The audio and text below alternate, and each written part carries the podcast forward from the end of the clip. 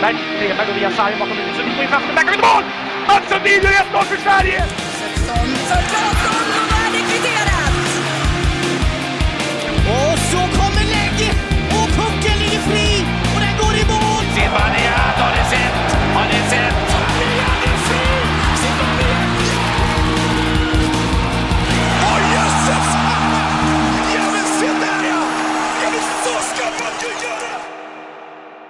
Vi säger välkomna till avsnitt 123 av eh, podcasten Sargut. Podcasten Sargut som har extremt mycket mer lyssningar sen vi har börjat ta in gäster i podden, Marcus. Vad säger det om oss? Att vi inte är bättre än våra Nej, jag menar det. Gla glad att det har slagit väl ut i alla fall, när vi har jobbat för att få med kunniga personer liksom. Ja, precis. Eh, min röst eh, är där. Det var hemmapremiär i fredags. och eh, snabb kudos till Södertäljes bortafölje som ju gjorde att skapade en extremt härlig hatisk stämning i Smedjeholm Arena. Extra kul att då vinna, givetvis. Eh, jag har ju utlovat eh, en, eh, att vi ska prata om schemat. Det har ju kommit upp lite redan inför avsnitten, eh, det här schemat. Eh, Mm. Så att jag tänker att vi bara ska, ska vi börja med att återigen liksom bara ifrågasätta det totala haveriet som är schemat. Eh, vi börjar i SHL, där alltså Modo har premiär borta mot Skellefteå. Sen väntar hemmapremiären på lördagen, tänker man. Nej, nej, nej, nej, nej. Där, redan i omgång två så spräcker vi schemat med eh, för Modo och HV. Eh, Så att Modo och HV ligger alltså en match efter just nu. Modo HV spelar ju dock på tisdag, Marcus. Mm. Så tänker man, oj vad bra, då blir schemat jämnt igen. Mm. Nej, nej, nej, nej, nej, nej, nej. För samtidigt möts ju då Frölunda och Linköping. Kommer de att inte spela då torsdag eller lördag? Nej, nej, nej, nej, nej. De två lagen fortsätter ju givetvis spela. Så nu kommer istället Frölunda och Linköping att ha en match mer spelad än alla andra Ja. lag. Vilket gör att tabellen alltså efter 6-7 omgångar fortfarande inte kommer att ha varit jämn en enda gång, utan att den kommer att vara ett haltande i alla Mm. omgångar, förutom omgång ett. Vilket ju är Alltså jag vet, jag vet alltså, kan du förklara? Jag fattar inte. Vad är det som är Nej. problemet med att få lag att spela samtidigt? Alltså, eller att, så, att bara Modo och HV spelar nu på tisdag ifall Ja. den matchen då prompt behövde flyttas. Men Ja. vad är det som gör att det hela tiden ska behöva halta? För det är så tråkigt att prata om. Ja, verkligen. Men alltså, jag, jag vet inte riktigt. Det, det, nu, vad jag, vad jag hört så var det väl typ något event som var bokat sedan långt tillbaka i tiden som stoppade Modo från att ha en match i lördag. Mm. Ja, men om den är bokad så pass långt i tiden förväg så borde man väl ändå ha vetat om att okej, det kommer att bli haltande tabell då. eh, ganska långt i förväg. Alltså, nu är det skitsamma vad det är som dyker upp, men det måste ju kunna gå att kompensera upp det. Det kommer ju alltid dyka upp saker som blir problem i ett schema. Och varför kan man inte lägga matchen på söndagen direkt efter då? Så Mm. att det slipper halta, så att det hela tiden följer med. Sen behöver man inte spela exakt samma dagar. Men att Mm. om det är torsdag och lördag som är utgångspunkten så kan man väl försöka liksom Ja, mellan de här spela klart de matcherna som men som inte har spelats på ordinarie datum. För det kommer ju alltid komma, alltså det är fortfarande eventarenor. Det finns ju massvis med andra event i Sverige. Det vet vi ju om. Ja, men, men just att man hela tiden så här, man flyttar matcherna flera månader fram i tiden. Så plötsligt så slutar tabellen halta mitt i oktober. För då har man lyckats klämma in någon match. Alltså så späckat kan inte Hägglunds arenas schema vara. Att Nej. liksom, eh, det går att det inte går att lägga det på söndagen efter eller måndagen eller vad som helst. Jag vet inte. Nej, precis. Och jag menar, alltså lite så här också att det blir ju ett, för laget i sig också blir så här, fan ska man vila sju dagar direkt efter man har klivit på i premiären och tänkt att nu kommer vi igång. Ja, men liksom, precis. så, så, Mm. aha, blir det världens liksom bakslag i att man inte hamnar i Nej, matchtempo men, och jag menar. Modo gjorde ju en bra premiär. Det blev ju torsk, men det var ju fortfarande en premiär som liksom, ni kände ju där och då Mm. att gud, vi hade velat spela imorgon igen. För att Ja, ja. Ni, fick, ni kände ju att ni var med. Ni hade ju liksom häng, ni hade ju allt möjligt. Mm. Så att jag fattar inte varför man behöver liksom, ja men dels det problemet, alltså så här, varför behöver tabellen halta så och varför är man okej med det? Varför Mm. är det ingen som sätter ner foten tidigt och säger nej, i år ska tabellen inte halta en enda jävla gång. Mm. Utan nu ska vi få till det här schemat så att det liksom stämmer. Mm. Då hade de väl kunnat lagt premiären på en lördag då, lördagen innan. Så Mm. hade Modo kunnat få möta HV då i premiären och sen Skellefteå eller vad fan som helst. Liksom. Ja, precis. Alltså, det måste finnas någon form av lösning. Det kan inte vara så att det ska vara liksom ett lag Mm. som bara haltar efter. För jag menar, det finns fler dagar i veckan. Det måste inte vara liksom så här. Ja, men, hade de lagt det på söndag, det är ju inte en käft som är, gör någonting på en söndag då. Det hade ju varit Nej. förmodligen mer tittare Och det var ju också. Modos hemmapremiär. Ni hade ju kunnat lagt den en måndag 10.00 och det hade varit fullsatt i Eklunds Ja. arena. Liksom. Alltså det var ju verkligen en match som det inte spelade någon roll för publikens skull. Utan det, var ju, det hade varit fullsatt i stort sett när som helst. Mm. När man hade lagt den tror jag. Ja. Och det gör mig ännu mer irriterad. Så här. Ja. Eh, vi är inte riktigt klara med schemat. SHL de är experter på att få det att halta. I Hockeysvenskan, där spelar budget alldeles för stor roll in på schemat. Eh, så att, om vi då tittar lite kort på Björklövens schema, varför Hockeysvenskan får problem. Vilka mötte Björklöven i premiären i lördag, eller i fredags Marcus? Ja, Djurgården. På bortaplan, eller hur? Ja. Vilka möter Björklöven på, på onsdag? Eh, det har jag till och med inte ens koll på. Men... Nej, det ska jag berätta för er. Man möter AIK på bortaplan. Man ska alltså åka till Hovet igen, två gånger i rad, och spela mot Djurgården och sen AIK. Då sover man ju inte kvar. Nej, det är klart man inte gör. Sen, ja, sen ska Björklöven äntligen få ha sin fantastiska hemmapremiär då. Det kommer ju vara jättebra tryck i arenan där uppe, Vimpos eller vad det nu heter. Då är det Västervik som kommer på besök på fredagen. Vilka möter sen Björklöven i omgången efter? När man har hemmamatch igen? Jag vet inte. Då möter man igen Västervik. Då ska man möta Västervik. Alltså okej, man kommer ju fylla hemmapremiären, men hur i helvete ska man locka publik till Västervik för andra gången på tre dagar på en söndag? Det är också så här bara, men då, då ska Västervik spara pengar, så då betar de av Björklöven borta gånger två och sover kvar uppe i Umeå en hel helg. Mm. Alltså så mycket kan ju inte budget få spela roll att Björklöven först ska åka till Stockholm två gånger i rad utan möjlighet att sova kvar. För att sen ska Västervik få världens möjlighet att spara pengar. Men istället göra att det totalt kommer ju tappa kassa för Björklöven. För vem orkar kolla på Västervik två gånger i rad? Framförallt om det skulle gå dåligt på fredagen tänker jag, för Björklövens del. Ja. Blir jag så här... Ja men alltså, någonstans måste man ju, alltså, då får man ju, alltså, man- okej att Västervik gör så, men det får de ju göra i december eller något. De kan ju inte göra det liksom omgång tre och fyra när ett lag ska ha hemmapremiär. Dessutom ett av de absolut viktigaste lagen i Hockeysvenskan, sett i både kvalitet, pengar, fans, allting liksom. Mm. Ja, sen, alltså, sen kan jag väl tycka att alltså, så det är klart att det, det kommer ju att vara folk som kommer gå på de där matcherna ändå. Jag tycker inte att det är det största problemet, att det liksom är att intresset från publiken kommer att svika för att man möter Västervik så. Tror inte att det kommer vara ett tapp på typ 1500 personer från fredag till söndag, helt ärligt. Osäker. Kanske hade varit ett annat lag. Björklöven känns ändå som att de lyckas få dit folk vet oavsett fan. vad fan de spelar mot. Jag tyckte Men- det lät, lät på mannen när vi pratade med honom off, off mic, off mic Ja. eller vad man säger, att han ändå trodde på så här, mm, inte riktigt nöjd med schemat såklart, Nej. för att det är ju, mm, Nej, nej, så är det ju. Men jag tänker mer att, åt det här hållet att, ja men vad fan, när de möter AIK och Djurgården, match, alltså matcherna efter varandra, att det inte är mer sammanlänkat än vad det är. Ja, så eller att att de de- ska kunna göra den lösningen. Eller att de får AIK på hemmaplan på onsdagen, hade väl varit Ja. all rimlighet liksom. Men det är väl, ja, precis, något lag lär väl spela två raka bortamatcher av någon outgrundlig anledning. För Mora Ja. ska ju tydligen spela två raka hemma, så att Ja. någon har ju liksom, redan där också så här, hur svårt är det att lägga hemma i premiären och borta i nästa omgång, eller tvärtom? Det går Mm. inte heller. Nej, Mora två raka hemmamatcher, Björklöven två raka bortamatcher. Alltså så här, hur, kan, hur kan lag behöva spela två raka, både hemma och borta, är också helt Ja. ofattbart. Och sen har väl Hockeyallsvenskan generellt varit väldigt så här, ja, man möter ett lag alla fyra omgångar innan jul Jajamän. Jajamän, och ett lag alla omgångar efter jul. Så det blir liksom så här, ingen Jag variation. tror, eh, det liksom.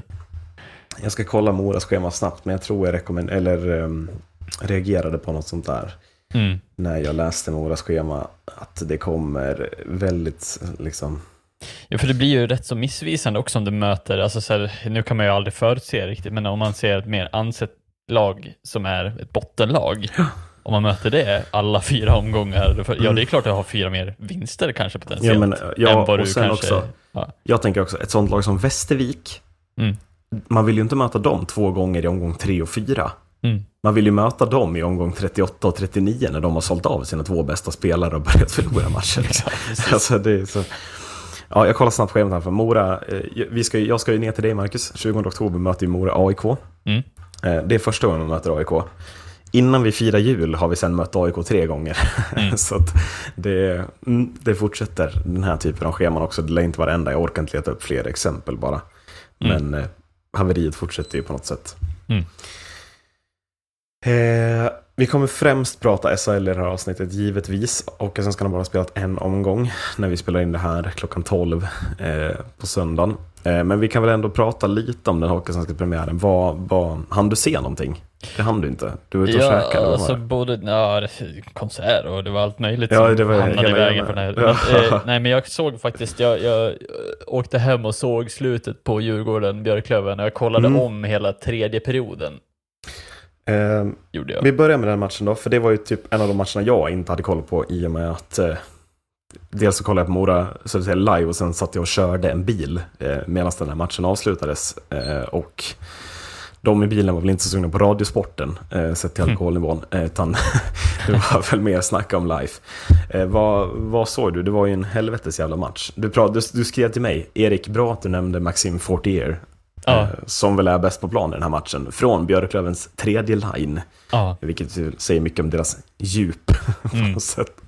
Nej men alltså herregud vad vi har att förvänta oss av, av de här, den här matchupen. Alltså så här, ja, om de ska komma ut och spela sån här hockey som de gör i tredje perioden under en grundspelsmatch som är inledande match där man inte egentligen har några förväntningar alls på att det ska liksom se perfekt ut. Att, måtte det inte vara en av de mest underhållande matchserier som kommer att ske om det blir ett slutspelsserie mellan de här två lagen. För att alltså herregud vilken match. Mm. Det, och det svänger ju och det är ju ilskna miner och det är liksom man märker ju att det ligger kvar någonting i luften eh, från förra året. Eh, Ja. Där den här slutspelsserien inte riktigt fick eh, ja, det avslutades på, på, hos båda parter känns som riktigt. Nej, men precis, Eh, precis. Björklöven vill hämta liksom mer av det här Djurgården som ändå Mm. på något sätt städar av Björklöven i den här matchen ändå. Eh, Mm. Trots underläge och så vidare. Och det känns ju lite typiskt Djurgården eh, grej att göra också på ett sätt. Ja, det som också känns typiskt Djurgården om man sitter förra året, det är att trots att man har full kontroll på matchen, Alltså Mm. Björklöven har inte ens skjutit 10 skott när Nikolaj Mayer reducerar till 2-1, Mm. 15 och 30 in i andra perioden. Så Mm. överlägsna ändå Djurgården varit. Men det känns väldigt typiskt Djurgården att sen 10 minuter in i tredje perioden trots det ligga under. Men lika mycket typiskt Djurgården att sen ändå vända det tillbaka. alltså att det känns väldigt, väldigt, väldigt Djurgården vad vi har förväntat oss. Ja, Ja, men men, det- är nog så här det kommer se ut ungefär. Ja precis, de är så, vå- alltså, de är så upp och ner i vad, och det var ju samma förra Mm. året också, att det kändes som att det sen, ha, deras högsta nivå var ju hur hög som helst. Precis. Men sen så kommer det en sån här jävla depp när det bara, vad fan, allting bara rasar in liksom. Ja. Sen, ja, men sen också så här prestationen av Maxim Fortier i, i underläge. Alltså herregud vilken Ja. spelare. Alltså, Nej men alltså, Fortier, år två, är på gång i Allsvenskan nu. Han går Mm. ut från tredje line i det här laget. Eh, kommer ju få möta i och med det, alltså jag undrar om, om det är Stråles plan lite, att ja, men vi håller Fortier utanför topp två och Mm. möta de andra lagens bästa spelare. För att sen komma in mot tredje kedjan och där verkligen bli spets i och med att han möter sämre spelare. Typ. Att det är så himla genomtänkt av Stråle. Eh, För att Ja. det är ju han som som är ja men som sagt, är, han är ju given i veckans lag trots att han inte eh, vinner matchen liksom. Mm. Och sen är det ju, alltså så här, eh, man kan ju berömma Björklöven, men sen ska man ju också berömma Djurgården för, för sättet man, man bara skakar av sig, att man ligger under med 3-2, gör 3-3, eh, ganska liksom typiskt eh, järnkamins-sätt, eller vad, vad man ska kalla det, lite så här stökigt framför mål. John Norman släpar in en, en retur liksom. Ja, Eh. kul för John Norman efter förra säsongen. Adde pratade Mm. om det, att han såg väldigt fin ut förra säsongen. Kul för han att kliva in och vara tongivande och göra 1 plus 2 i den här matchen, tänker jag. Mm. Eh, Eh, ja, och- men att vara, vara den spetsen han behöver vara om Djurgården ska lyfta, Mm. tänker jag.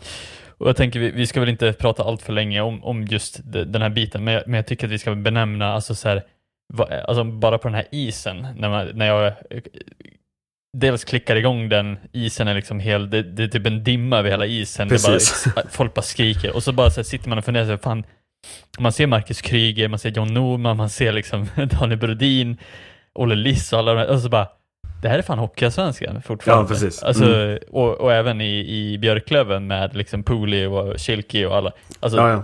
nej, det, det var sån klass så att det kändes nästan som att, äh, vad, vad, fan är, vad, vad gör de här ens? Mm. Eh, kände jag lite. Precis. Ehm, och, om man då kopplar vidare, om vi går vidare från den här matchen. Jag tänker att vi inte ska prata så mycket Brynäs, för att Brynäs är ju det laget som är absolut svårast att bedöma. Det var rätt väntat att de skulle vinna hemmapremiären. Men ja, vi ser Anton Rudin göra mål. Vi ser, liksom, alltså på tal om spelare som inte borde vara i den här ligan. Alltså vad är det för målskyttar i den här premiäromgången eh, som vi ser? Att så här, mm. Ehm, och på tal om bra individuella prestationer, men såg du Tyler Kelleher's premiär? Ja, Har du, såg, sett, eh, har du sett highlights? jag såg eh, lite av målet han gjorde där, där han åker Ja. igenom, det ser ut som att han är på typ eh, friåknings... Eh, Och då har du inte, sett, assist, liksom. och då har du inte sett assisten till Rudin i sådana fall utgår ifrån. Nej, men alltså eh, Kelleher, fortsätter han sådär så finns det ingen människa i den här ligan som stoppar honom från att vinna poängligan. Det kan Nej. jag säga. Alltså det är så total dominans redan i omgång ett. Mm. Och det känns så himla jobbigt att Brynäs har gjort, liksom, kopierat HV, men vi tar Wessel och Keller, de vet hur man gör. Och de, eller framförallt Keller, börja på det där sättet. Hade ju, man hade ju hoppats på en knäskada och borta i 30 matcher nästan. Mm. För att det, ser, det är ju oroväckande att det kanske är de som kliver fram och är viktigast för laget. eh, Och inte Rudin och grabbarna liksom. Ja, att de fortfarande känner en motivation att fan det här är stället jag ska vara på. om och om Ja. igen. Mm. Ja, det är Ja. jobbigt. Ehm, så, lite andra punkter. Jag tänker att det laget som mår absolut sämst efter omgång 1 i Hockeyallsvenskan är BIK Karlskoga. Ehm, samtidigt som Mora vinner sin hemmapremiär. Djurgården och Björklöven bara ångar på i en fantastisk match. Brynäs vinner sin hemmapremiär. Så Karlskoga, det är torsk hemma mot Östersund. Det är en offensiv som är extremt haltande. Ehm, det var väl absolut inte det de ville starta med. Som ändå är ett lag som tänker att de ska kunna utmana om topp 6, tänker jag kanske. Mm. Ja, det är ju svårt att dra slutsatser av en omgång också givetvis, men det är ju liksom man vill alltid få en bra start. Eh, Det är väl alltid det bästa, men sen ska man som sagt hålla ganska ganska låga förväntningar på första, jag skulle nästan säga första fem matcherna. Ja, ja, nej, alltså, jag, jag håller med. men- Jag, jag vill inte dra för stora växlar. Jag vill ändå dra någon växel i att mm, det kanske ändå är, när det ändå är hemmapremiär i Nobelhallen så kanske man inte ska torska mot Östersund i omgång ett. Med, där det bara är liksom så. Frågetecken på målvaktssidan, de blev inte mindre. Frågetecken på forwardsidan, de blev inte mindre. Ny tränare, ja han fick ju fler frågetecken på sig givetvis. Mm. Eh, som ändå har ett krav på sig att ta Karlskoga till någonting. Alltså, jag, vill inte, ja, jag vill inte säga att det är någon slags kris, för det är det ju givetvis inte. De kan vinna två raka matcher nu och sen är det ingen som kommer ihåg premiäromgången. Men det sätter dem ju ändå i ett läge att, att så här, oj, oj, oj, oj. Eh, Mm. vad, hur bra är Karlskoga egentligen då? För att vi såg andra lag vara bra också under premiären, tänker jag. Ja, absolut. Jag menar, det är alltid, alltid positivt att försöka, eh, framförallt på hemmaplan också, när man har ett lag som man kanske alltså så här, måste plocka poäng mot över tid, över hela året egentligen. Ett lag som Eh, måste sluta bakom dem ju. ja, Östersund kan ju inte sluta framför Karlskoga om Karlskoga ska nej. ta sig in i slutspel, så enkelt är det ju. nej, precis. Eh, för sen måste man ju nästan räkna med att de kommer att tappa poäng mot de här topplagen. Så att någonstans måste de gardera sig lite eh, för det. Men ja, sånt är, sånt är livet i Hockeyallsvenskan. Ibland Ja, förlorar man även mot dem också. Ehm, kul med två nykomlingssegrar, tänker jag. Eh, fullsatt i Liljas arena, Nybro städar ju av Tingsryd. Eh, Tingsryd och även Kalmar slår ju Västervik borta. Mm. Eh, Västervik tippade jag högre, eh, men det är många som har pratat om att Västervik och Kalmar ska få, eller Västervik och Tingsryd ska få problem. Både, eller framförallt du pratade om det. Eh, Mm. Och det kändes väl som att det här började väl inte bra för något av de lagen med de här typerna av förluster. Att förlora är en grej, men att förlora på sättet de gör. Eh, Mm. det, är ju, det är ju helt rättvist att både Kalmar och eh, vad heter de? Eh, Nybro vinner de här premiärerna. Ja, nu hade jag inte möjlighet att se någon av dem egentligen, men eh, Nej, givetvis, inte jag heller givetvis. Men Absolut så är det ju, alltså det är ju kul att de kommer in och sätter liksom tonen direkt också. Två nykomlingar som verkligen eh, verkligen har lite ögon på sig nu efter, eh, det är lite nya ansikten i Hockeyallsvenskan också på ett sätt som, som känns ganska fräscht. På det sättet, Mm. jag vet inte om vi benämnde det på, på något sätt, men jag tycker att det, det är någonting fräscht med dem och utbytet där med att om Tingsryd och Västervik skulle försvinna hade inte jag sagt emot i alla fall. Men, nej, men eh, precis. Ja, jag tycker det är kul att de sätter lite press också och visar att fan det, det handlar om att liksom handlar inte bara om att överleva där i botten nu heller kanske. Precis. Nej, också, jag tänker Kalmar, eh, man värvar dyrt på backsidan. Den här Tim Theosaridis, eller vad han heter, eh, Mm. kliver in som toppback, gör 2 plus 0, avgör matchen. Det är ju extremt viktigt, ex- framförallt för ett sånt lag som Kalmar, att man prickar, prickar Ja. kanadickerna om man nu går den vägen. Eh, Ja, så precis. kul produktion. Ja. Eh, har du läst Västerås Twitter någonting? Eh, nej, inte Nej, mer än... eh, jag kände ändå, eftersom att det var så många i Västerås, eller Västerås som, som blev så glada att vi hade med en gäst i Västerås och pratade länge om Västerås i vår podd, så var Mm. jag lite inne och läste bara för det. Eh, och man var ju väldigt missnöjda med spelet, trots att man Mm. vinner mot Almtuna med 4-1. Eh, drar vi någon växel av det, att ändå så här starkt att vinna, trots att man underpresterar, eller också väl, liksom oroande för Almtuna att man åker och förlorar så pass lätt mot ett lag som man som inte spelar bra, eller?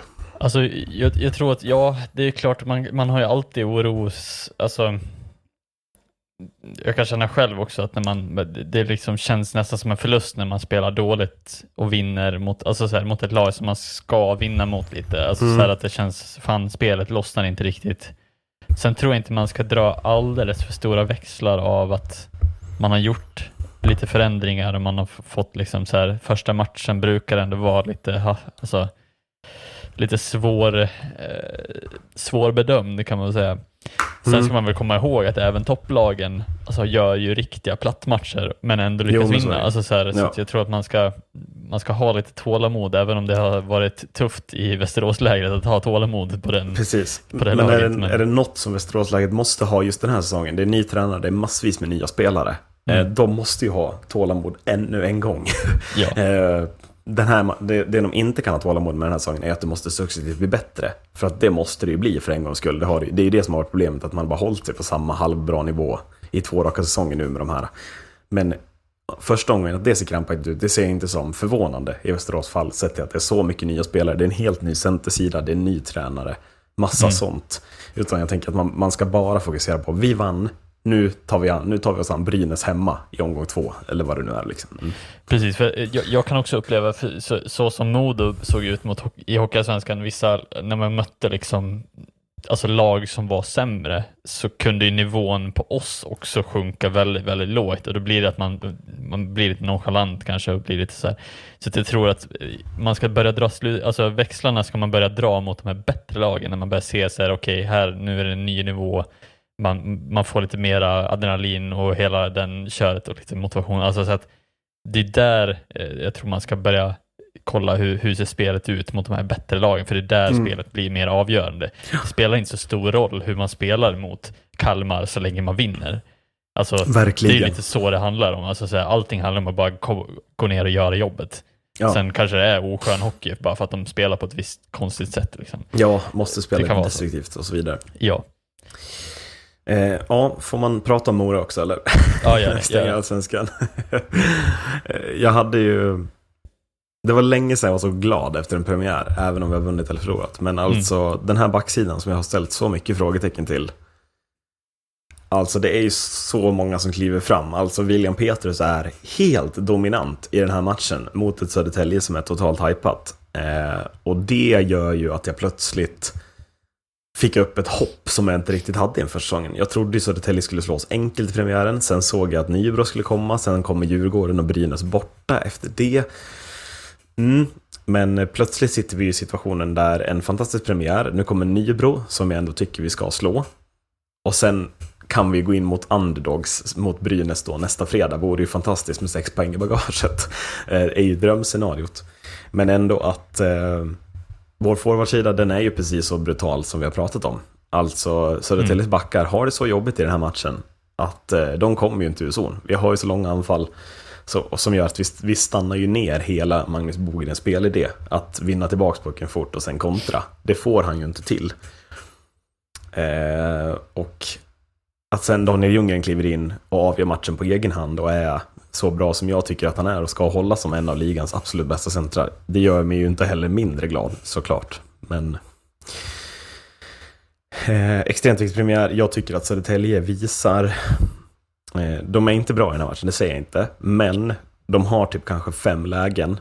Och tre av de lägena förvaltar man med fantastiska skott. Alltså Blomstrands skott som han gör, han är typ osynlig hela matchen. Han får pucken och bara, den bara hänger där. Det är stenhårt och jättebra.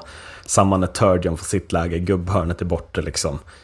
Och Marcus Eriksson och Linus Widell ligger ju bakom tillsammans med Albin Karlsson, ett, alltså där man rullar ju upp försvaret. Så att Södertälje visar ju att man har, ju, man har ju spets nu man inte hade förra säsongen. Men nu ställs ju istället frågetecknen hur man, alltså om spelidén passar den här spetsen eller hur det ser ut. Då. Mm.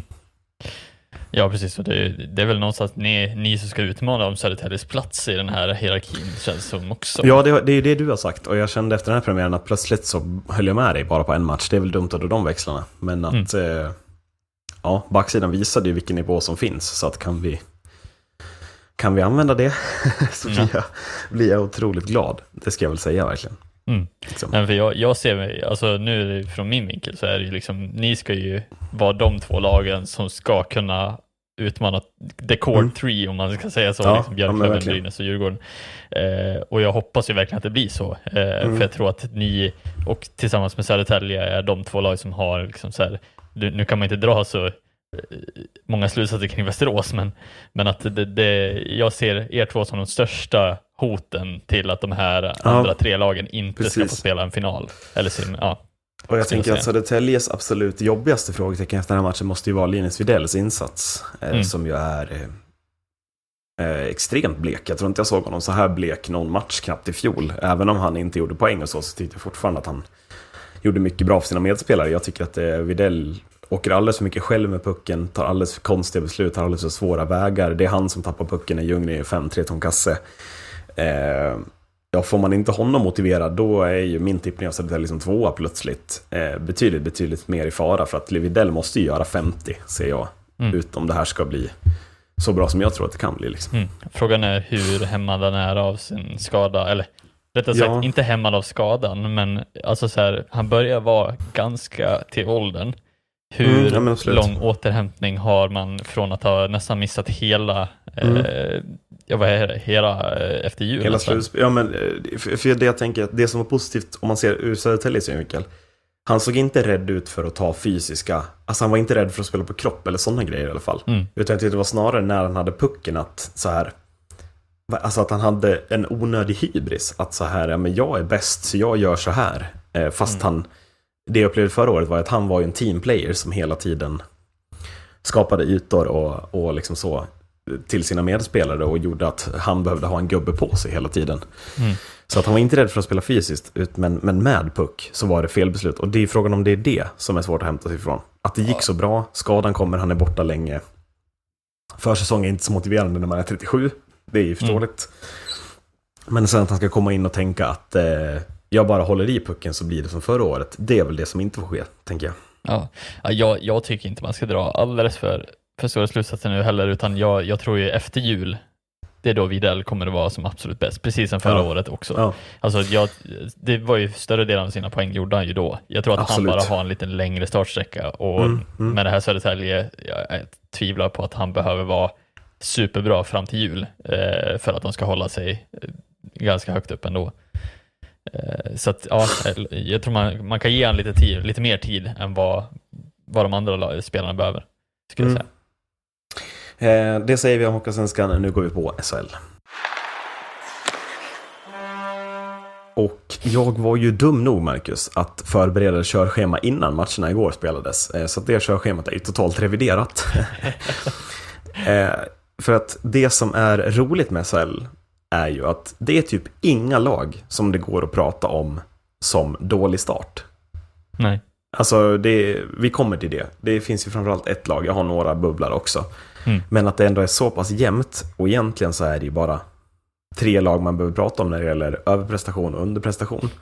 Eh, vi ska såklart prata om fler lag, eh, men vi börjar väl med Modo. Du får väl en punkt som heter Modo, eh, i alla fall nu i början av säsongen. Eh, vi ska inte bli för mycket Modo under säsongen, tänker jag. Nej, precis. Eh, Men om jag ställer frågan då. Tre omgångar. Skellefteå borta, Linköping hemma, Timrå borta i derbyt. Fyra poäng. Hade du tagit det på förhand om jag hade ställt den frågan? Eller hade du gamblat och chansat på fler poäng med risken för färre? Alltså det är klart jag tar det. Alltså, jag, Ja. menar, jag tycker att Nej, men framförallt är det inte bara, alltså, så här, det är inte bara att vi åker och vinner poäng. Jag tycker att vi åker och, och utmanar SHL-lagen på ett sätt som jag inte hade förväntat mig riktigt.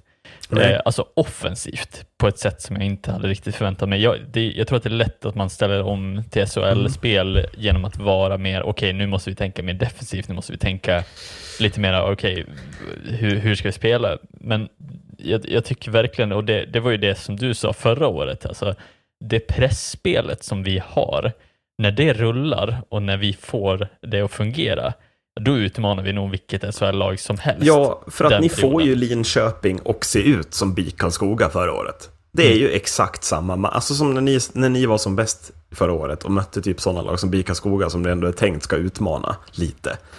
Så var ni totalt överlägsna. Jag tycker den här matchen mot Linköping, alltså 7-4, det är i, i underkant i Modos favör. Jag tycker att Södertälje inte, eller Södertälje nu, Linköping är inte värda att göra fyra mål i den här matchen. Sen sju, det är ju klart att, att ni är såklart. Alltså det blir ju en, en offensiv framåt, men det är, ju, det är ju er match från start till mål. Alltså Linköping sitter kvar i bussen i första perioden, ni har perioder i andra perioden där ni knappt lämnar deras offensiva zon. Sen har de en, en period där i tredje där de hämtar in 5-2 till 5-4 på kort tid, som gör att Mm. ni blir lite nervösa. Men, men eh, fortsatt så tycker jag att det är ju en av de matcherna hittills där ett lag har varit mest överlägsen i den här eh, säsongstarten. Det är ju ni på hemmaplan mot, mot Linköping. Ja, precis. Och jag menar, det, det, det känns ju lite som att så här, alltså det, och det, det har jag väl också hört mycket kring alltså experter och hela den biten att eh, det känns som att många är förvånade över att Modo är så här bra. Jag blir inte riktigt jag är inte så Och- förvånad egentligen, utan Nej. alltså, jag tycker att just sammanhållningen i sig eh, gör ju att vi blir så bra, för att folk vet vart de ska vara hela tiden. Och vet du varför du inte är förvånad? Nej. Det är för att du och jag har suttit sen vi startade den här podden i båten att det är inte så stor skillnad mellan toppen på Hockeyallsvenskan och botten åtta i, i SHL. Mm. Det är verkligen inte det. Och jag tycker att Modo, ni har inte gjort så många nyförvärv. Det är klart ni behöver värva typ en ny första femma. Men bakom det här är det ju er allsvenska uppställning som fortfarande trummar på. Mm. Lika bra eh, Mm. som de gjorde i Hockeysvenskan. Eh, Mm. och då är det ju, ska det ju till toppklass i SHL för att kunna stoppa det på ett effektivt sätt, tycker Ja. jag.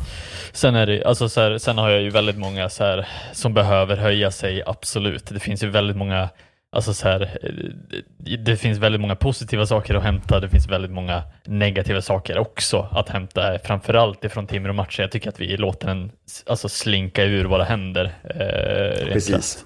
Vi, det är bara vi oss själva som vi kan skylla för, för Mm. den förlusten. Det är samma mot Linköping också, det är bara vi själva som orsakar att Linköping gör fyra mål överhuvudtaget. Ja, men exakt. nästan säga. Eh, Eh, Så det är mycket som behöver liksom finjusteras och jag menar det är ju, vi, vi går ju in i en större kostym liksom. Vi måste ju Mm, fatta mm. att ger vi dem eh, lägena så kommer de sitta. Eh, och det är ju på ett annat sätt än vad det varit i Hockeyallsvenskan. Eh, Precis. Är det. Eh, det jag tänker är att jag håller med Timrå-matchen, den låter ner i, i, i händerna. Sen på hemmaplan tror jag att det kommer bli mycket Mm. Modo kör på offensivt och sen blir det lite defensiva tapp. Men jag Mm. tycker fortfarande att det är för många som underskattar insatsen mot Skellefteå. Mm. Alltså nu blir det strafftorsk, men ni håller ju på. Alltså jag tycker att Karlin, hans defensiva gameplan som han sätter upp för den premiären mot Skellefteå. Jag tror inte riktigt att han hade det i sig. Men alltså ni tråkar ju ut Skellefteå som inte hittar en enda väg Mm. till bra lägen i 5 mot 5. De Mm. gör sitt mål i 5 mot 4. Och 5 mot 4 är 5 mot 4. Men, men sätter vi hela matchen så är ju ni... Alltså de, de, ni ställer upp och väntar in dem och de har ingen lösning på det. De har ingen lösning. Eh, och jag menar, kan ni spela så mot de här mer profilerade lagen så finns det ju, ni kanske inte kommer ta jättemånga segrar, men ni kommer kanske ta viktiga poäng, alltså så sadden poäng som är extremt viktiga i kampen om att inte sluta botten två, tänker jag. Och det är, det är väl det som man också ska ha som, som absolut största alltså, eh, med sig när man tittar på Modo, när man Mm. ser på Modo som det är. Alltså, så här, den enda förväntan vi egentligen har, det är att inte komma sist. Mm. Alltså mm. i den här tabellen. Och det, bara där har vi liksom redan överträffat alltså så här, första, ja, första tiden, att hur vi spelar, hur vi ser ut på isen och hur många poäng vi har tagit. Alltså där, där tycker jag de redan har liksom överträffat sig själva. Vi ska inte jag- gå in och vinna liksom varje match nu och gå till slutspel, utan Exakt, bara... och känns det inte som att supporterna är väldigt med på det också? Att så här, förra året när man åkte till en bortamatch mot Tingsryd, då var det fortfarande vi ska dit och vinna. Ja. Åker man till en bortamatch mot Skellefteå så handlar mycket om att så här, ja men vi ska inte, vi ska ändå, vi ska vara, vara med i matchen och se hur långt det räcker. Mm. Och det är lite det det handlar om. Jag menar, vi kommer till ett lag senare som inte har presterat, men släpper man iväg Skellefteå till 3-0 i första perioden, ja men då, då kan man ju lika gärna sluta då. Det släpper Mm. ju inte Skellefteå mot en nykomling på hemmaplan. Utan det handlar ju om att liksom hela tiden liksom, bara vara med i matcherna, för då kan allting hända. Då kan ett, jag menar, Rubins mål, det, det ramlar in lite från ingenstans. Det är ett skott, lite oväntat skott, men det är ju inget, alltså så. Det är ingen tabbe på det, alltså så, men det är heller ingen jättebra målsingripande. Plötsligt kan det komma ett mål som förändrar matchen så mycket. eh, Mm. Och sen hålla er från utvisningsbåset liksom. Precis. Det som också gör mig lite mer imponerad av den här insatsen som vi ändå har stått för nu, de här första matcherna. Nu är det klart, ja, vi är bra och dåliga över tid. Så på, alltså så här, vi, jag tycker vi har alltid börjat matcherna väldigt, väldigt bra. Och Verkligen. det tycker jag är en styrka. Ehm, men, Ja, som sagt, första perioden mot Linköping, Mm. eh, alltså att ni får in 1-0 där, liksom, Hägglunds kokar ju. Och jag menar, så Mm. länge ni är bra på hemmaplan så slutar inte publiken koka i Hägglunds. Så Nej. enkelt är det ju. Liksom. Nej, så är det ju. Men sen tycker jag det är mer, alltså, nu, nu har jag mina frågetecken på backsidan. Jag tycker att många behöver ta ett steg upp i liksom, Mm. nivå. Kä- Eh, Känslan är att inte Rubins Rundblad får gå sönder, nej, tycker jag. Nej. På försidan är det lite så. Mm. Ja, men där finns det leverans. Men backsidan, mm, den är tunn Mm. på ett obehagligt sätt. Eh, det. och eh, att Bernhard också ser lite skakig ut på något vis. Nervös ser han ut. Men Han- framför allt så ser väl Nässén och Berg lite för svaga ut. Eh, Berg tycker mera jag. Ja, Nässén- Berg mera. Men jag tycker att- växer, men eh, ja, Men, ja, men jag tycker sättet som, sättet som Berg och Nässén förlorar kampen på insidan där i Linköping när de gör sina mål. Mm, in, ja, det är för dåligt. Det är för dåligt, det är för dåligt. Så ja. det. Men det, det kan vi liksom, jag tror att vi kommer att värva förmodligen i slutet av säsongen. Vi har nog höjd Mm. för det också i ekonomin ska jag säga. Men Ja. det som jag mer imponeras över att Modo faktiskt åstadkommer här är att vi har ju absolut, på de här matcherna har vi inte haft en enda tydlig första kedja. Nej. Roma kliver av efter 19 sekunder igår och inte Mm. med på hela matchen. Mm. Ranta har varit avstängd första två matcherna. Re- Regan har inte ens landat i Sverige. Alltså vi har, hela vår första kedja ligger lite och så här, den finns inte än riktigt. Eh, Kan- och då har vi ändå vi då- lyckats göra så här ja, mycket precis. mål. Ja, men precis. Kan vi då prata om kedjan eh, Vignå, Södergran, Valle, Walterholm? Mm.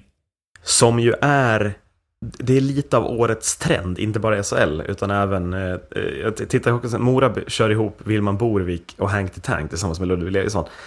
Det här med att ha en tredje kedja som är svinfucking tung är, det är lite av en trend och det är Modo som har startat igång den trenden upplever jag med den här jävla kedjan. För helvete i min lilla låda vad tunga de är att mötas. Och Vignå ser ju ut som en rund miljon. Ja, Vignås passning till Niklas Folin igår kan Eh. Ja, man väl inte alltså, skoja bort heller.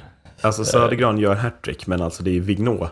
Ja, Han kommer ju kunna kliva in i vilken roll som helst i det här laget och vara viktig liksom. Mm. och de är inte långsamma på skridskorna heller. Alltså Vignå tror jag inte varit så snabb på skridskorna sen Nej, jag tycker någonsin. som sagt, de ser, alltså, de, de ser ut att ha hittat varandra så bra också. Mm. Alla vill spela samma hockey och Södergran och Balli mår ju så bra av att ha Ja. en sån typ av härförare mellan sig, för då växer ju de. Och deras, de måste ju utnyttja sin tyngd. Det var ju det man såg på Södergran i fjol när det gick dåligt för honom. Mm. Det var att då utnyttjade han inte han sin tyngd, utan det var ju när han kom i form i slutspelet sen, det var ju då han började spela så som han måste spela, vara tung att Mm. möta och liksom eh, så. Och tänk att det äntligen, äntligen, som jag har tjatat på den här Johan Södergran, när man börjar avsluta, då gör man också mål när man Ja. väl kommer till den där, istället för att bara vandra runt.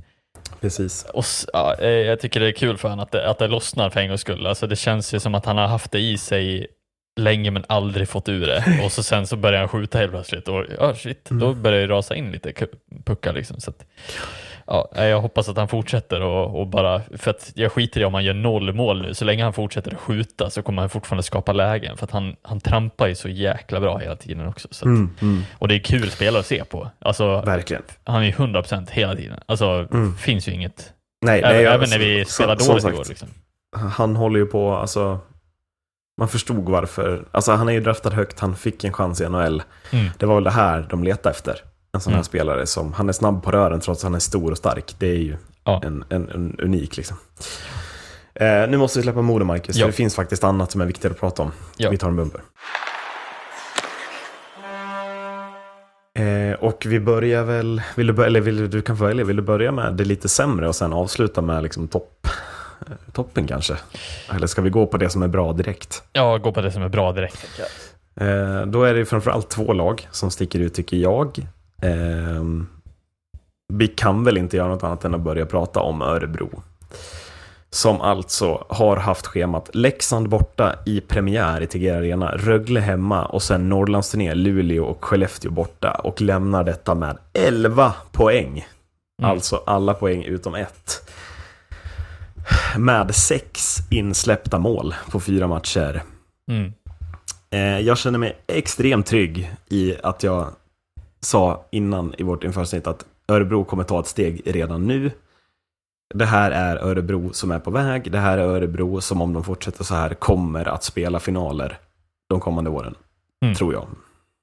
Ja, nej men det går inte att säga emot heller riktigt. Alltså, så här, jag tycker också som de ser ut som, som enhet och som lag, eh, väldigt trygga och, och samspelta på ett sätt som, eh, som imponerar. Eh, Ja. Också liksom hur, och det, det kommer vi väl förmodligen komma in på, men alltså så här, hur, de, hur, hur spelarutvecklingen ser ut i det här eh, Örebro-laget. Man, man vågar satsa lite, man har sett utvecklingen på vissa spelare som, som eh, bara kliver rakt in i det här laget och visar vilken potential de har.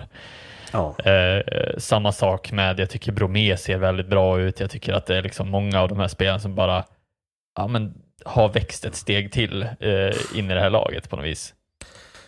Men framförallt Johan Hedberg pekar på två spelare. Samuel Johannesson från Brynäs ska in. Jonathan Lekkerimäki från Djurgården ska in. Johannesson det är 0 plus 4 på fyra matcher. Lekkerimäki har gjort tre mål och var nära att slå någon slags juniorrekord för mål i antal matcher på en säsong. Ja, äh, men alltså Mm. vilken masterclass av Hedberg. Han ser, alltså redan nu har de här spelarna, har han utvecklat dem ett steg till liksom. Mm. Eh, och nej, alltså som sagt, om de två kliver fram och är så viktiga när redan Bromé, eh, Filip Holm, Jonas Enroth, när sådana spelare finns i laget, ja, vilken total hockey det blir. Eh, Ja. På ett sätt som är Ja men också, nu, nu har man ju fått sett Lekkerimäki spela liksom i Djurgården och, och fått ha en hög roll. Eh, Nu, vi var ju väldigt kritiska till, till de olika, de tre, den trion som gick till SHL nu, som var Noah Östlund och så är det ju Ögren och så är det Mm, Lekkerimäki. men jag tror att det, det känns som en väldigt win-win situation. Dels Mm. för de här unga, att eh, de får komma in i SHL. eh, Ja. Och en win-win för Djurgården också, att de tappar dem därifrån och kan helt Ja. fokusera på att sätta ihop liksom ett rutinerat lag som ska ta upp dem. Att det blir Mm. eh, två, två lag eller två liksom enheter som mår väldigt bra av det. För Östlund, det är väl bara Ögren som, som det saknas. Men jag menar Lindbom, fantastisk Färjestadkasse, Lekkerimäki, otrolig. Och Noah Östlund har ju börjat fantastiskt bra i Växjö också. Så att, Ja. Mm. Det känns lite som att Djurgården har utvecklat de här spelarna på sin egen bekostnad. lite. ja, men lite eh, så. på Mm. ett sätt. Men ja, eh, å andra sidan så ja, det blir ju otroligt bra för Hockey-Sverige som helhet att få de här eh, talangerna hit. För jag menar, Lekkerimäki, om vi ska prata om den prestationen som han har gjort nu i Örebro. Alltså det, det känns ju som en helt ny spelare som kommer in i Örebro med ett självförtroende som lyser också i och med att han var, han var ju också bra i slutspelet givetvis mot Modo. Men att, att det, det känns som att han, han känner sig så otroligt trygg med hur Johan Hedberg vill att han ska prestera. Precis. Och, och bara där, utifrån den tryggheten, så tror jag att så här, eh, han, han, får, han bara går ut och gör det. Jämfört Mm. med hur det var i Djurgården, att där var han förväntad att vara en toppspelare i Hockeyallsvenskan Ja. på ett sätt som, som kanske inte passade honom på samma sätt. Nej, och också kanske att Johan Garpenlövs spelsätt, alltså så alla ska bidra defensivt och så vidare, kanske passar honom lite sämre. Att jag upplever att Hedberg använder ju honom på ett sätt att så här, du ska in i offensiva situationer, Jonathan. Mm. Håll dig i offensiv zon, för defensivt, där ska du inte vara liksom. Eh, utan Mm. de ska sätta honom i lägen. Och då ska Lekkerimäki göra mål. Och det har hittills funkat helt fantastiskt. För att han har Ja. satt, de chanserna han har fått har han satt dit. Och gör ju jätteviktiga mål också. Alltså avgör ju mot Luleå. Är ju den som startar vändningen mot Leksand med att sätta dit. Och det handlar ju om att sätta lägena. Det är ju det Ja. gör. Det, för Örebro, det har ju varit lite liksom saknad av spets här flera år. Eh, Mm. Som har gjort att de har fallit lite. Men här är det ju, håller man ju på att hitta ett sätt att träffa det. På Ja, sätt. och framförallt en, en skottskicklig eh, kille som liksom bara ska stå på skott i powerplay. På, eh, alltså, du, du ska nästan, han ska inte hantera så jävla mycket mer än, än Nej, skott. nej, nej.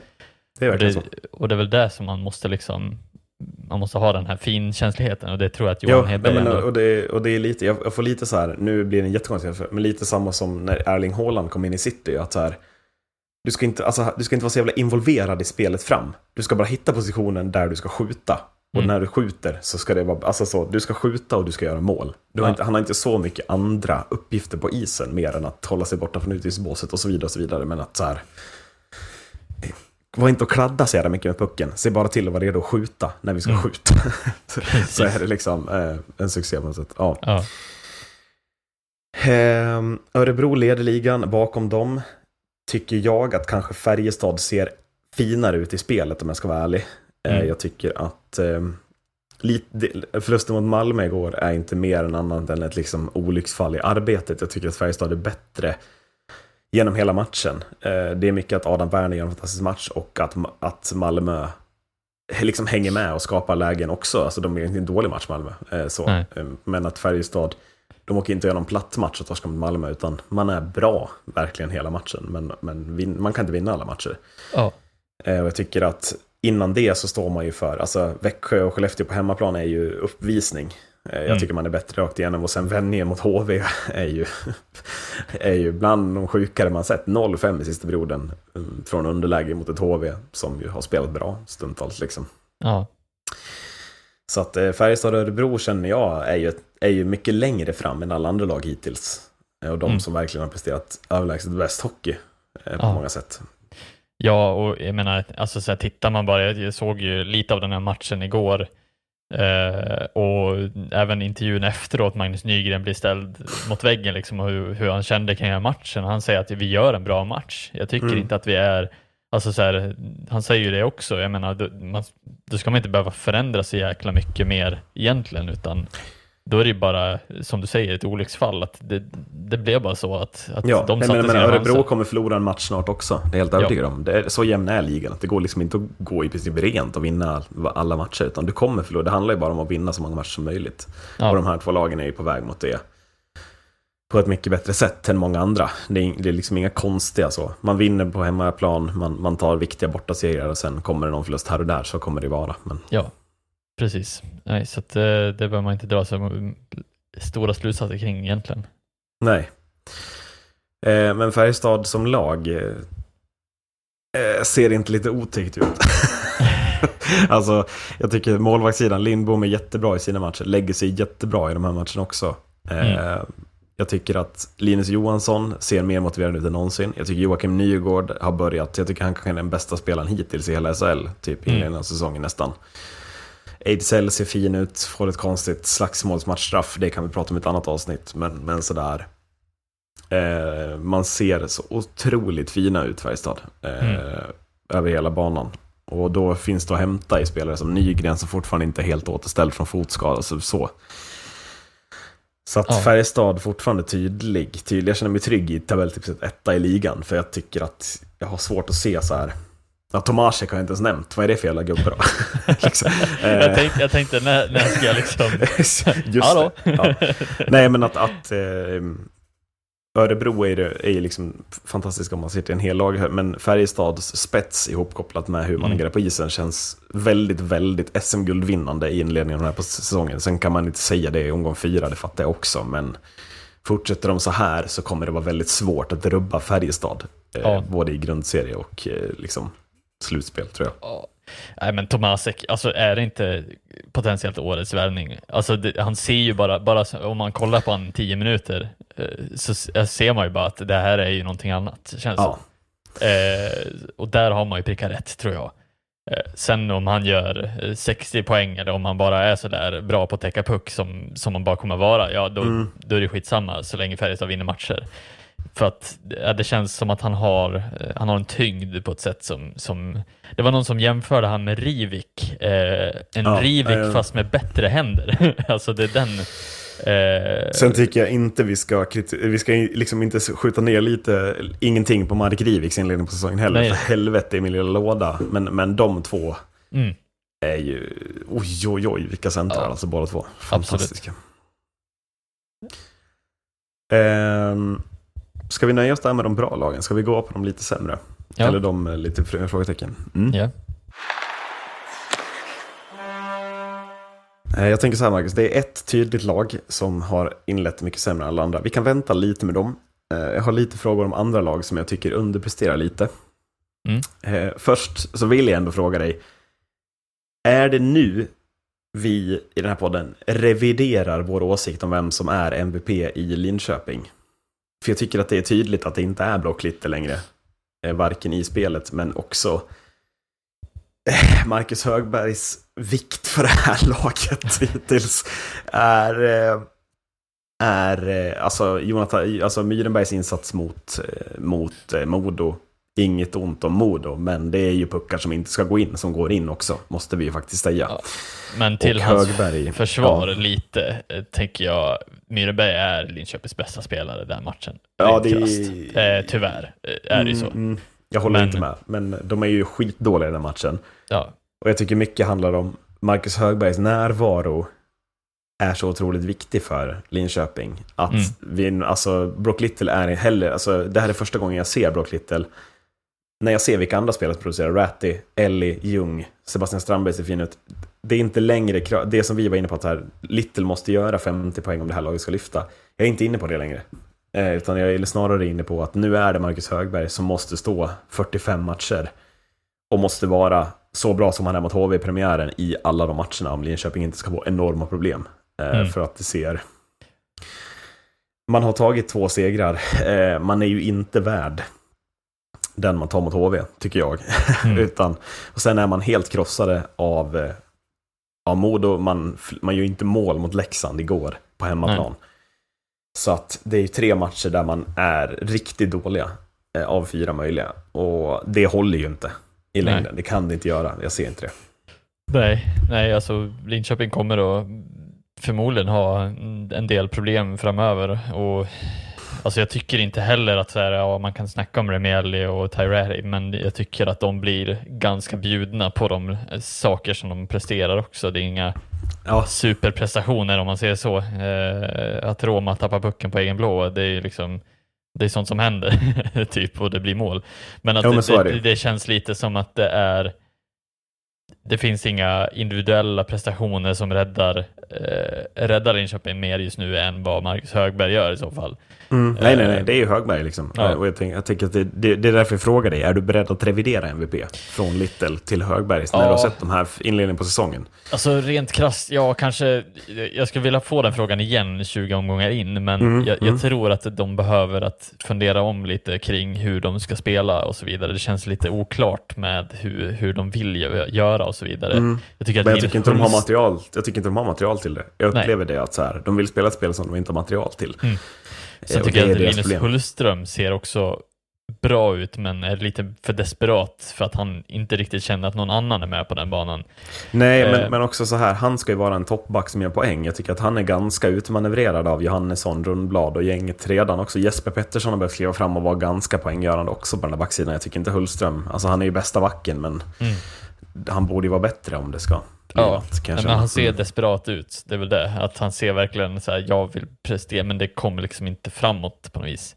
Nej. eh, tyckte jag, eh, vad jag såg i alla fall. Men eh, nej, det, det, det är klart att det är det blir ju problem om, om det ska vara eh, andra spelare som tar över MVP eh, från Brock Little och så, så jag tror att han kommer att komma igång, men ja, Marcus Högberg kommer att vara en jätteviktig pjäs och det har han väl Mm. varit innan också egentligen, men kanske ännu viktigare i år. Jo, men Absolut. det här är väl året han kliver upp som den som måste vara absolut viktigast när jag tittar på den här inledningen på säsongen. För att jag tycker som sagt, ja, men det är bara en match där man är bra. Eh, och det motståndet ska vi väl kliva över till kanske. Eh, men om Linköping ser dåliga ut, alltså Oskarshamn, Ja, det är 17 insläppta mål eh, på fyra matcher.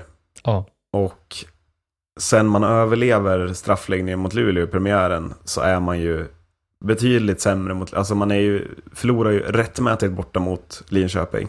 Man är inte riktigt nära hemma mot Växjö och ligger under med 4-0. Och vad som sker igår i första perioden borta mot HV är ju...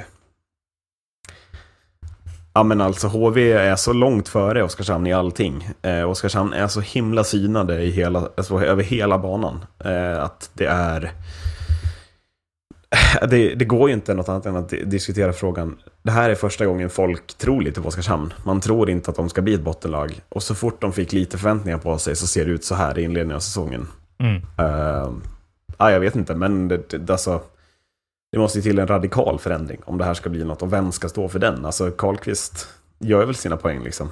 Mm. Uh, fortfarande. Lodin gör sina poäng. Oxenen gör sina poäng. Det, det är inte där det brister upplever jag. Utan Nej. det är att man, är, man har inget försvarsspel att förlita sig mot överhuvudtaget. Nej, man släpper liksom 17 som du säger. Alltså det är ja. ju alldeles för dåligt. Och sen har man ju liksom kunnat kunna plåstra om de såren med ännu bättre liksom framåt. Alltså så här, att man, man har kunnat liksom göra mycket, mycket mål framåt.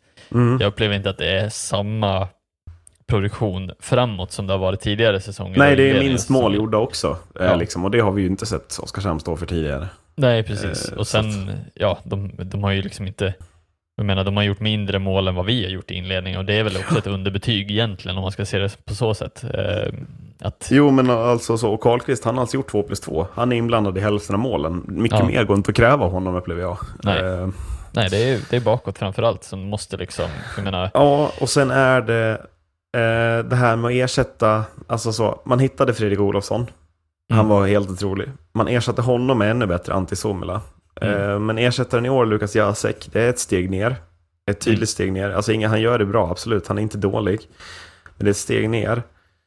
Eh, och som det ser ut nu så tvingar man ju upp lite. Jasek har ju fått spela med han Hutsko, eller vad han heter. Vilket gör att Hynek Horna är den som har fått komma in istället för Somela mellan Karlqvist och Oksanen. Eh, och det tycker jag har gjort den där första kedjan extremt försvagad. Eh, mm. Och det har inte Oskarshamn råd med. Man lär lägga allt krut i den där första kedjan och bara hoppas att det exploderar. För att annars så är det här eh, ruskigt problematiskt för Oskarshamn. Ja, jag håller med. Det, mm. De måste liksom göra förändringar ganska drastiskt nu, eh, tror jag, bara för att switcha om en del. Jag tror att de har liksom en... Det känns inte som att de har samma resurser heller på något vis. Alltså det känns lite som att de, de, de måste försöka jobba med det de har just nu för att de har liksom lagt lite sina kort i, i asken, höll jag på att säga. Ja. Eh, på värvningar och verkligen satsa på att försöka ersätta Somila och ersätta liksom med eh, sådana grejer. Och skrivit dyrt långt kontrakt med både Karlqvist och Engsund ju. Det är inte nu man kan åka ur när man har den Nej. här satsningen framför sig. Nej, precis. Alltså, så här, sen tycker jag de har gjort, alltså, så här, de gör som varje år, jag tycker att de gör alltså, samma arbetssätt som de har gjort tidigare år också. Mm. Sen är det ju som du säger, alltså, så här, det är tuffare SHL i år. Det är kanske tuffare, tuffare varje år för att det blir liksom spelare som, som, som återvänder och så vidare. Att det känns Ja, det, det, är så lite som krävs för att det ska vara skillnaden mellan att vara i mittenlag eller vara ett bottenlag. Eh, så det, ja, det är väl någonting som de måste liksom börja mm. tänka på redan nu. Vad, vad kan vi göra liksom för att Ja, för nej men för att det enda som är grejen är att alla lag har ju slagit alla, förutom Oskarshamn, som bara har mm. förlorat i princip, upplever jag. Ja. Uh, mm. Precis, och då svårt, hamnar man efter.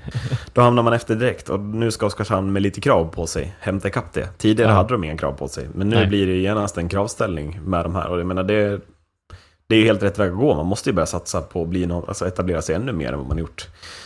Så att backfire så blir det riktigt illa på något sätt. Ja. Eh, du ska få två grejer till också, eller två yeah. lag till som jag, som jag tycker underpresterar lite. Mm. Eh, och det är Luleå och Skellefteå. Mm. Eh, där jag inte riktigt... Eh, alltså så, de kommer vinna sina matcher och så vidare och så vidare. Men jag tycker inte riktigt att det lyfter. Alltså mm. så här. Jag tycker Oskar Lindberg är precis så bra som han kan vara i Skellefteå. Mm. Och ändå så är det liksom... Ah, det är ju, alltså man är ju, man är ju inte, alltså man är ju synande deluxe av både Färjestad och Örebro när man möter dem. Och det tycker jag talar för att Skellefteå är en bit efter. Jämfört mm. med vad de borde vara. Oskar Möllers avsaknad är, jag tycker Jonathan Pudas, han har inte klarat av att ta, ta, ta efter den där taktpinnen. Eh, som, som vi pratade om på sätt.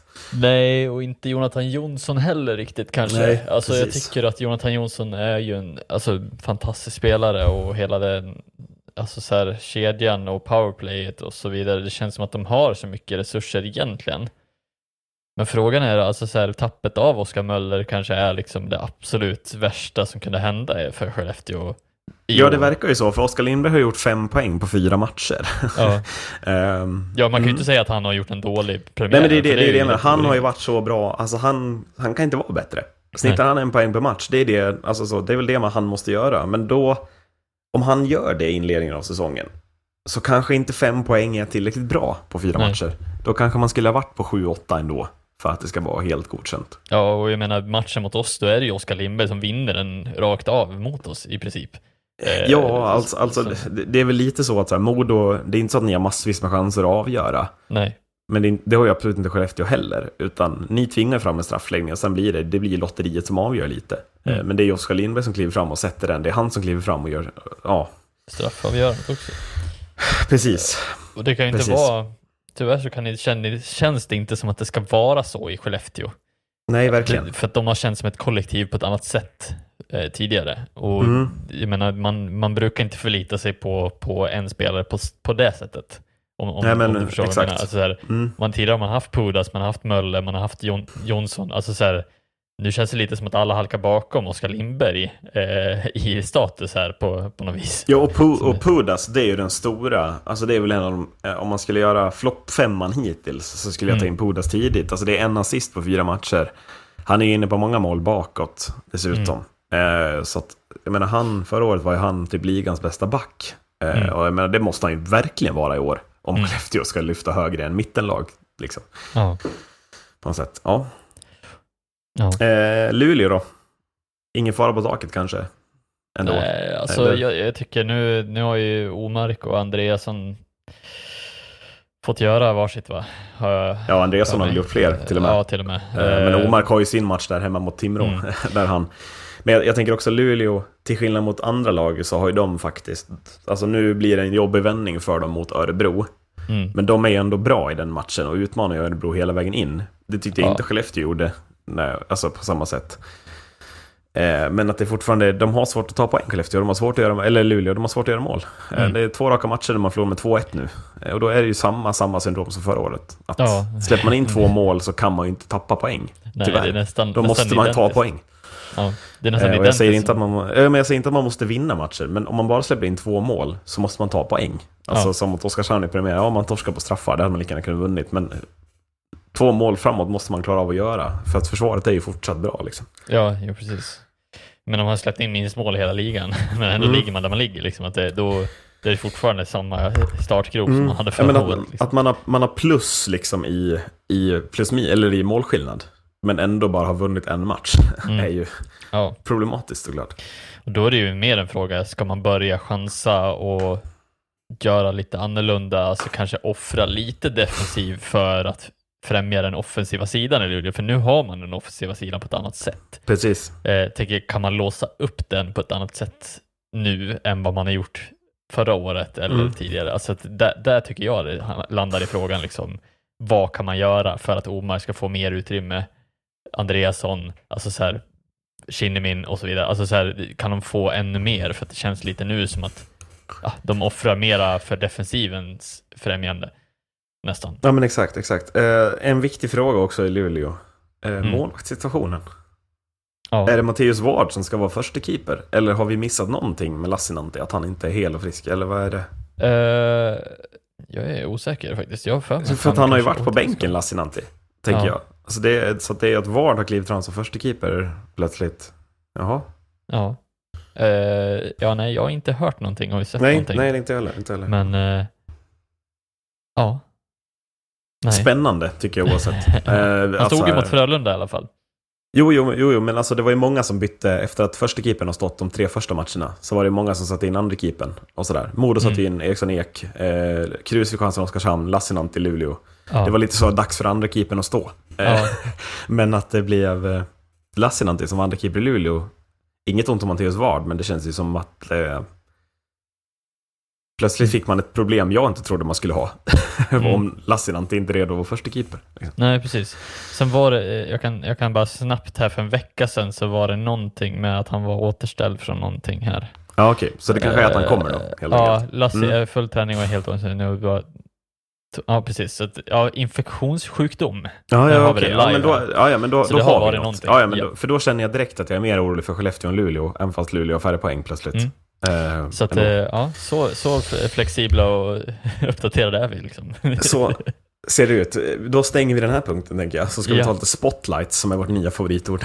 Ja, absolut.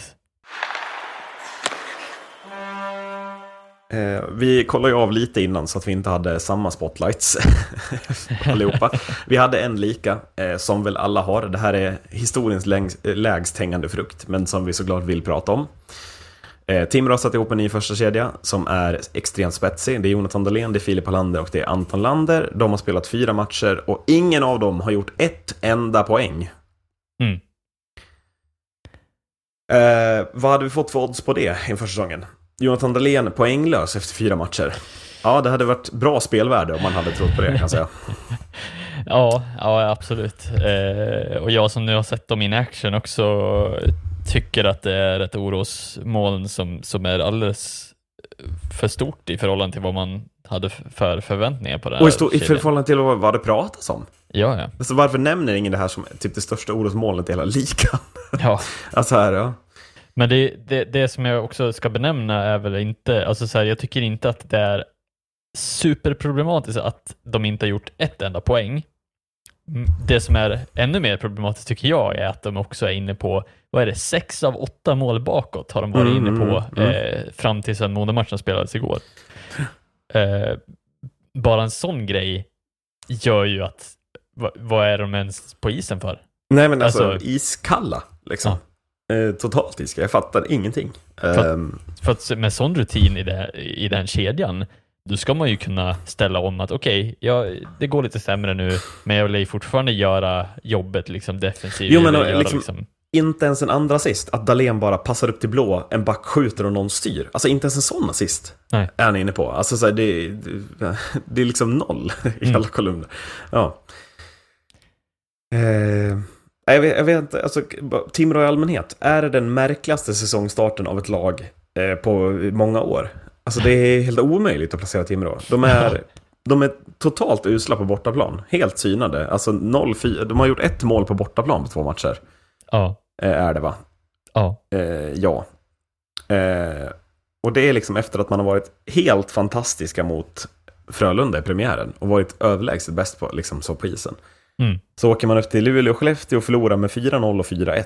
Och sen krävs det ju lite som du säger att Modo ger dem matchen igår för att vända. Alltså det hade kunnat vara Timrå vi satt här och pratade om i Oskarshamn-lägren om det hade velat illa för dem. Liksom. ja, verkligen. Eh, så att, eh, eh, jag ska säga, jag vet inte vad jag har Timrå. Nej. På hemmaplan verkar det som att man ska spela på dem. På bortaplan hittills så är man ju alltså inte ens nära. Inte ens nära är man.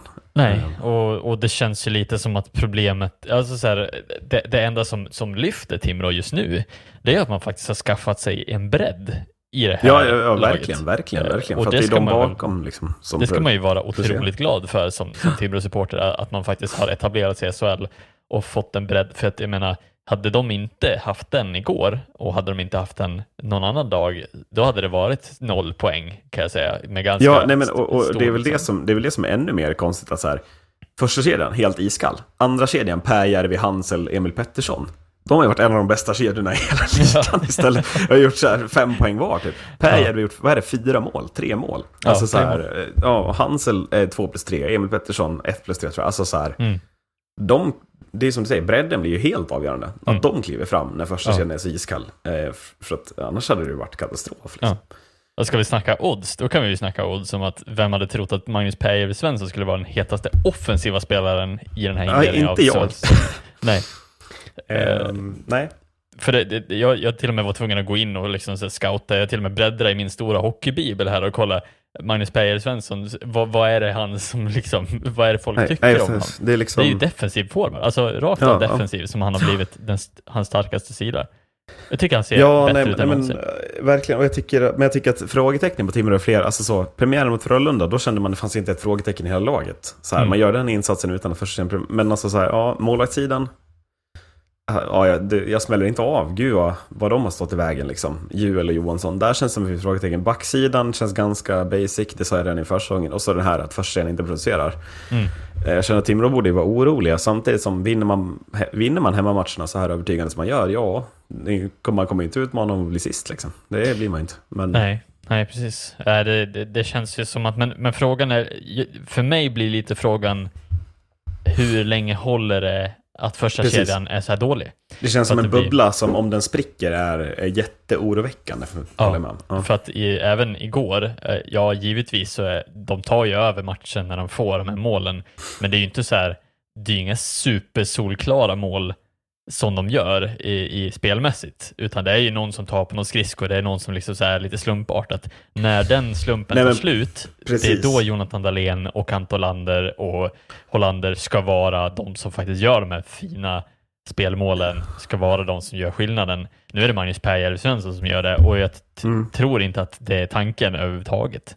Nej men det känns ju som att man har ju prickat psykologin ganska bra. Alltså så, Ja. man gör mål, vad är det? Det är jättesent i andra perioden, man gör 3-2 igår. Det är ju såklart Mm. jätteknäckande för Modo. Mot Frölunda kommer man in och prickar den första 10 minuter som är helt fantastisk. Mm. Eh, får 2-0 med sig, Frölunda ger bort 3-0, jättepsykologiskt. Alltså det är lite sådär, psykologin har man ju klarat av att vända till sin fördel på hemmaplan. Men det är lite för många sådana faktorer i segrarna som är för oroväckande. Att det är inte att man bara går ut och visar att man är ett jättebra lag och och slår dem, utan det är lite så, studs, det studsar rätt. Bredden levererar när spetsen inte gör det. Psykologiska mål kommer i rätt läge för dem. Ja, om, de, om de här grejerna slutar fungera, det är grejer som lätt kan sluta fungera. Och Ja. då har man ingenting att luta sig tillbaka mot på ett sätt som blir jättekonstigt. Liksom. Ja, precis. Eh, Ja, eh, du ska få ta en punkt. Någon spotlight som du vill? Jag tycker att vi ska ta den mest okända punkten. Eh, Den mest hittills. okända punkten? Ja. Den mest okända punkten hittills. Jag tycker att den landar någonstans i Anton Strålman. ja. Eh, för att hans intåg, eh, otroligt tyst, men fan vad det har gjort bra för HV71. Det där backparet, Nardella Strålman. Ja. Ja. Mm. Nej, men eh, det, det är lite den här, eh, alltså den här auran av att Anton Strålman spelar i SHL. Det är ingen som kommer att skrika wow över och hans var- närvaro. Jag Men- sa ju det när jag skulle utse MVP i HV, att så här, ja, Anton Strålman kommer in, har spelat mest AHL förra året, är lite till åren. Han är ju den som behöver vara MVP, men jag trodde inte att han skulle vara det, utan jag trodde att det var Nadella som skulle behöva klicka fram. Mm. Nadella har ju varit precis så bra som jag tänkte. Han har blivit ihopparad med Strålman, som ju har överträffat alla mina förväntningar, och har Mm. ju varit den MVP som HV behöver. Ehm, och jag menar HV, alltså man förlorar hemma mot Linköping i premiären, man förlorar mot HV hemma, eller mot Färjestad hemma efter den där tredje perioden. Men spelmässigt så finns det ju ingenting i HV som pekar på att man ska vara ett bottenlag. Eh, segern igår är ju liksom totalt övertygande. Det är ju precis rätt spelare som producerar, det är första femman, det är första backpar och så vidare och så vidare. Så att eh, HV, alltså det är inte så att finnarna har exploderat. Eh, det var jag, hade jag ju rätt i. Men en har gjort det, Henny Borgström är fantastisk, Nardella är fantastisk, Strålman är fantastisk, Isak Brännström och André Pettersson bildar ett jättebra ytterpar. Och Radnan Lench är ju fortfarande ett mysterium varför Frölunda släppte till HV förra säsongen. Ja. I det läget de gjorde det. Eh, Men han har man ju förvaltat fantastiskt. Eh, Så att HV, man spelar bra, men man har en förmåga att förlora plötsligt. Eh, Kan man vända den så finns det ju roligare tider att vänta i Jönköping. Det känns som man fått en, en trygghet i Anton Strålman som man inte riktigt fick i Erik Martinsson, även om man ville ha Verkligen. den förra säsongen. Eh, och, och där, bara den biten att man vunnit tillbaka, tror jag gör väldigt mycket för den offensiva sidan också. Mm. I och med att Nardella kan spela ut sitt spel tillsammans med en defensivt skicklig back Mm. på ja, världsklassnivå, skulle man nästan kunna kalla honom numera. Mm. Eh, var det de punkterna du hade? Jag har två kvar annars. Ja, det var de i och med att vi hade prickat in på typ två av exakt samma Mm. punkter annars. Precis. Eh, jag, jag har två punkter då. Eh, en snabbt. Mm. Eh, det går ibland när man hör den här podden, när du pratar om Oskar Fantenberg som ett nyförvärv och så vidare och så vidare. Att så här, oj, är Marcus någon expert? Ja, men då kära lyssnare, vad sa Marcus i Malmö? Ja, Janne Kåkanen, det är Malmös MVP. Ja, har ni sett inledningen på den här säsongen eller? Vilken är ligans bästa forward? Ja, men det är Janne Kåkanen. Vad är det för jävla gubbe de har plockat upp? Ja, du. Alltså, han är helt otrolig. Ja. alltså, det är... Jag fattar inte hur du hittar honom. Jag hade aldrig hittat honom om jag hade haft Malmö. Eh, alltså det är så snyggt. Det är så snyggt. Ja, ibland prickar man rätt i alla fall. Ja, Det ja verkligen. verkligen. Det är bra. Tvivlen behöver försvinna ibland. men Ja, alltså... det är synd bara att man inte hade lika mycket tro själv som man plockar in honom i något fantasy-lag som man har spelat. Nej, men det är en exakt, annan exakt, exakt. Det är en annan femma. Ja. Eh, Men jag är otroligt imponerad och framförallt inte bara av den spelaren som individ utan jag tycker att alltså så här, det finns lite mera eh, spännande saker i Malmö generellt som jag tycker Ja, att de, och de är, det sa ju jag samtidigt, att Ja. Malmö är inget bottenlag. Jag säger Nej. ju det. Det visar de ju, att de inte är. de spelar med ett Ja. annat tempo och det tror jag eh, verkligen Ja, främjar och den den, här- offensiva sidan. Och backsidans förändring. Mm. Det är inte längre, alltså det är, finns ju lite kreativitet på backsidan plötsligt. Det är inte Mm. bara sex stycken stora killar som ska skjuta ner pucken i sarghörnet. Nej. Eh, tycker jag, som, som liksom blir jätteviktigt för dem. Ja. Någonstans. Men, mm.